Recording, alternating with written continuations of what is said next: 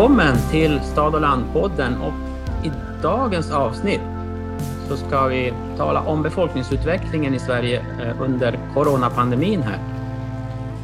Och med mig har jag Arne Müller som är journalist i Umeå och som följer landsbygdsfrågorna, bland annat i eh, din grupp Norrlandsparadoxen. Välkommen Arne! Tack, tack!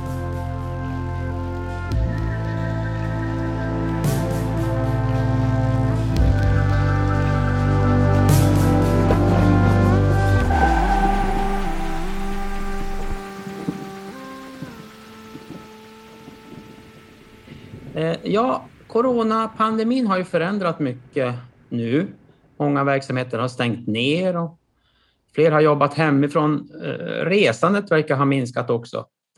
Men vad har det här året betytt egentligen för eh, den regionala utvecklingen? Har klyftorna ökat eller minskat? Vad kan vi vänta oss framöver? Kan rent av Sverigekartan vändas upp och ner när det görs jättelika investeringar i norr? Det är vad vi ska prata om idag. Och Arne, du kan, väl, du kan väl börja med befolkningsutvecklingen. Har vi sett några nya trender nu under pandemin?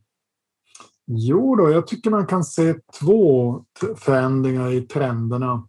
Dels så ser vi att det var en utflyttning från de tre storstäderna, särskilt Stockholm. Men sen den andra förändringen det är att befolkningsökningen i stort sett har avstannat i landet. Men, men för att börja med det här med storstäderna. Alltså, det har funnits en trend några år att eh, en del människor flyttar ut från själva centrum av storstäderna, Stockholm, Göteborg, Malmö, till kranskommunerna. Men det har ändå uppvägts av, av inflyttning från, från andra länder och så.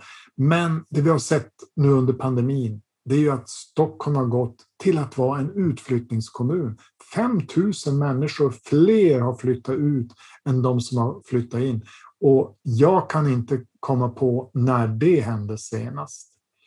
De flesta har ju fortfarande flyttat till närområdet, alltså kranskommuner i Stockholms län och kanske till Sörmland och, Uppland och så.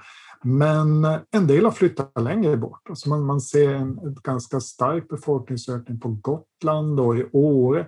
Och i mitt eget hemlän Västerbotten så är det faktiskt 13 av 15 kommuner som har haft ett, ett flyttplus gentemot Stockholm. Och det tror jag också eh, har hänt väldigt få gånger förut. Men varför har det blivit så här? Har, har vi några förklaringar för det här?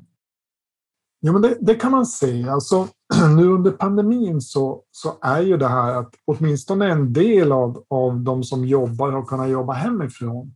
Det tror jag är en förklaring till att steget att flytta ut från eh, de här storstäderna har blivit lättare. Eh, men sen finns det då också en mer långsiktig trend som man ser inte bara i de svenska storstäderna utan det är ett internationellt fenomen att de här allt högre bostadspriserna i storstäderna det trycker ut människor med vanliga inkomster. Man har helt enkelt inte råd att bo kvar i, inne i innerstan, inne i själva huvud, huvudcentralkommunen, utan man flyttar ut till, till gränskommuner där det är något billigare i alla fall att bo. Alltså jag har ju sett också, där jag bor i Gysinge, så eh, är det ju många faktiskt som har jobbat på distans nu, som eh, har haft sommarstugor där, men har jobbat eh, i Gysinge nu på distans och som under tiden håller på att renovera sina hus och funderar på att faktiskt flytta ut och bo här. Så, så att det, det kan man verkligen se. Men det, det, är ju lite fascinerande. Det, det, det, här pratade man, har man ju pratat om sedan 90-talet. Att, att eh, hela IT-teknologin skulle det göra, göra möjligt att jobba lite varstans. Väldigt platsoberoende. Men, men det har, har ju fram till nu då inte blivit verklighet. Men, men nu under det senaste året har man ju verkligen sett att det här har, skett i ganska stor skala. Det gäller ju att komma ihåg att ja, det är ju inte alla som kan jobba på distans. Jobbar man inom tunnelbanan eller inom sjukvården, då, då måste man ju förstås vara på plats. Men det finns ändå en, en del av arbetsmarknaden där, där det här har varit möjligt. Mm. Ja, och sen har befolkningstillväxten eh, avstannat också. Är det coronapandemin som är förklaringen till det? Ja, inte direkt. För, för att alltså, visst var det så att det, det var må många som avled under, under den första och den andra fasen av coronapandemin. Men det, det, är ändå inte det som är huvudförklaringen till, till det här, utan det är att eh, Sverige efter några år när, när det ju har varit en ganska stor nettoinvandring till landet. Vi, vi hade alltså relativt många flyktingar som kunde komma till Sverige där 2015, 2016. Men det har nu helt avstannat. Alltså det, det är i princip lika många som, som flyttar ut som de som flyttar in till Sverige under det senaste halvåret. Och, och det, det ger ju en, en ganska kraftig förskjutning av befolkningstrenderna. För, för att det är i rätt många kommuner som just tillskottet av människor från andra delar av världen har varit rätt avgörande för att, att befolkningen har kunnat hålla sig på en någorlunda stabil nivå. Alltså, för att ta en stad som finns i mitt närområde, Skellefteå, utan tillskottet från, från resten av världen så hade den stan förlorat ganska många invånare under de senaste åren. Men, men nu, nu är den här faktorn borta och det, det kommer att få betydelse för, för befolkningsutvecklingen i, i stora delar av landet. Mm. Tror du att det här är bestående trender, Arne? Ja, det är ju eh, inte lätt att säga säkert. Alltså, när det gäller boendekostnader så har vi sett att de har ökat ännu snabbare under det här coronaåret. Och, och, det gör ju att den här pressen på att flytta ut från storstäderna, den, den blir än starkare. Och, och, samtidigt så kvarstår ju möjligheten till distansarbete, kanske inte i lika hög utsträckning som under pandemin, men, men det är väl troligt att det kommer att stå sig. Så att, jag tror att den, den faktorn, den kommer att finnas kvar. Att eh, Eh, många ser möjligheten att bo till en mer rimlig kostnad och kanske på, i en finare omgivning eh, och, och ha möjligheten att jobba på, på distans. Men, men, och sen är det ju mycket som tyder på att den här väldigt eh, hårdare flyktingpolitiken vi har sett under de, de senaste åren, att den kommer att bli bestående. Och, och det gör ju att, att eh, det är troligt att Eh, Eh, att det kommer fortsätta vara så att det är ungefär lika många som, som flyttar ut som de som flyttar in till, till Sverige. Och det kommer ju att innebära att det blir tuffare konkurrens om arbetskraften på, på många håll. Och det kan faktiskt också påskynda att den här bostadsbubblan vi har, att den spricker. För att just nu är det så att det byggs fler nya bostäder än det tillkommer nya människor i landet. Betydligt fler bostäder. Och, och, det är ju en, en trend som om den, om den blir bestående ett tag, ja, men det, det kommer inte att hålla.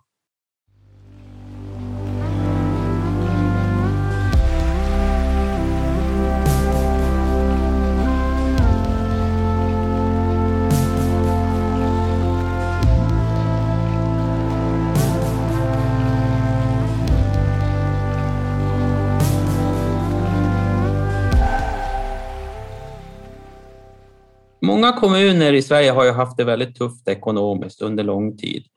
Eh, men nu under pandemin så har kommunerna fått då mycket pengar ifrån staten. Är, är krisen för kommunerna över nu?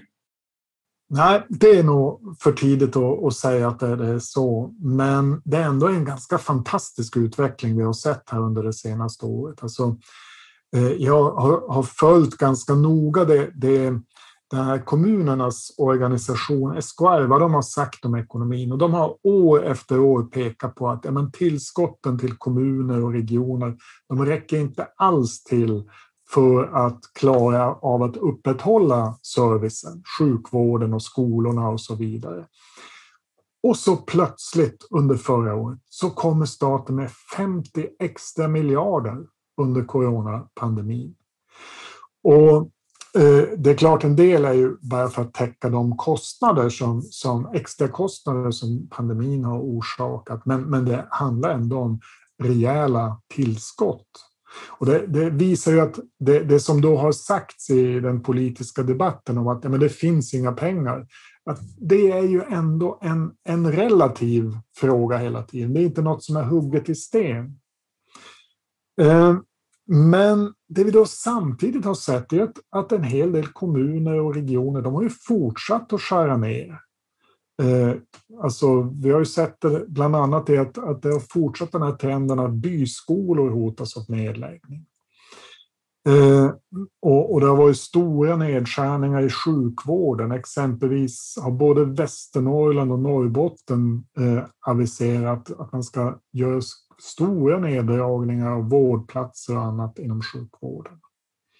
Och, och det, det, är lite motsägelsefullt. Det här görs då samtidigt som det har kommit extra pengar och som, som ju eh, sjukvårdens personal har hyllat som hjältar under pandemin. Är, är det här, kommer det här att vara som ett tillfälligt tillskott, tror du? Jo, nej men och det är väl det som är förklaringen till, till att den här trenden med nedskärningar håller i sig. Eh, för, för att eh, det är väl den bedömning som många, många kommuner gör att det här är som ett engångstillskott från, från staten och att efter pandemin så kommer man att återgå till den här mer strama politiken. Så att, att en del kommuner har nog sett det här som att okej, okay, nu har vi en buffert, men den grundläggande sparpolitiken fortsätter.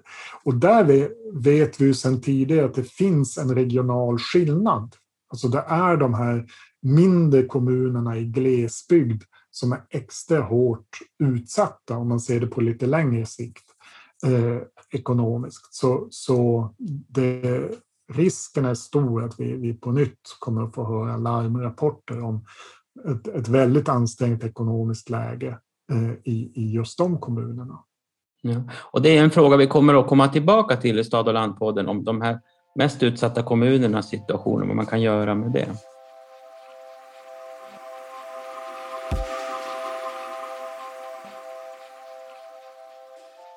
Men, men Arne, en annan intressant trend det här sista året, det är ju de här jättestora investeringar som planeras nu i norra Sverige som är kopplat till klimatomställningen. Alltså man pratar om nya stålverk, batterifabrik i Skellefteå och stora vindkraftsparker. Alltså 700 miljarder talar man om att man ska satsa i norr under de närmaste årtionden. Det talar till och med om, eh, om flyttbidrag för de som ska, vill flytta norrut. Eh, kommer det här att vända på den nedåtgående befolkningstrenden i norra Sverige, Arne? Vad tror du? Ja, eh, det är ju en bra fråga, för det här är ju jättesatsningar och, och visst kommer de att få betydelse. Men man måste titta lite närmare på de olika projekten för att förstå hur stor betydelse det kommer att få. I, i Skellefteå ska det byggas en batterifabrik eh, med 3000 anställda minst och så ska det bli en återvinningsanläggning. Och det kommer ju att förändra Skellefteå i grunden. Där Skellefteå kommun kommer att växa. Det kommer att behövas en, en ganska rejäl inflyttning för, eh, för, för eh, att, att, klara de här behoven av, av, arbetskraft som fabriken och alla kringverksamheter har. I Boden kommer det ett nytt stålverk, 1500 stålverksjobb plus säkert en del kringverksamheter även där. Det kommer att märkas. Sen är det ju med att man eh, ändrar på det som redan finns. SSAB ska ju tillverka så här stål med väldigt låga utsläpp. Men det är med att man byter produktionsmetod och LKAB de fortsätter med det, det de håller på med, men med en annan metod. Det kommer ju att behövas folk som jobbar med det här under byggfasen, men, men sen kanske inte ger så många nya jobb eh, när det väl är i drift. Eh, vi har de stora vindkraftparkerna. Just nu så är det 600-700 människor som jobbar i Markbygden som ska bli Europas största vindkraftpark. Men när den är igång, ja, men då behövs det bara ungefär 200 personer för att sköta den.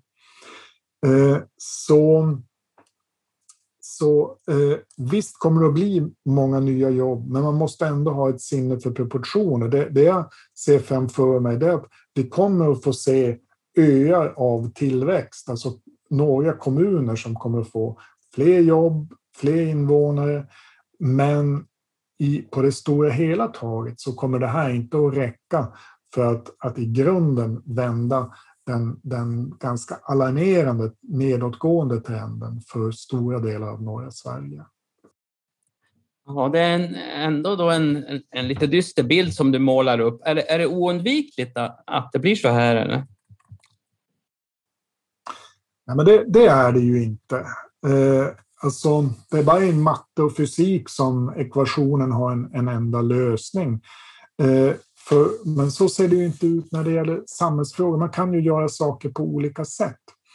Jag, jag tror att eh, när det gäller de här stora investeringarna i norr, där skulle ju, eh, om de gjordes tillsammans med en bredare kursändring inom regionalpolitiken, då skulle man kunna se en, en väldigt kraftig, eh, väldigt kraftigt trendbrott.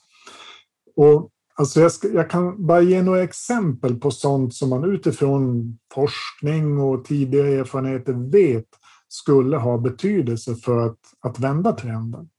Det första är ju det här med att kommuner och regioner måste ha rejält med resurser, alltså mer än idag, för att kunna upprätthålla servicen i hela landet. För att hur den är, man kanske inte väljer att flytta till en kommun om man vet att de håller på att lägga ner byskolan och det, det finns inte pengar att hålla simhallen öppen och så. Så det är som en bas.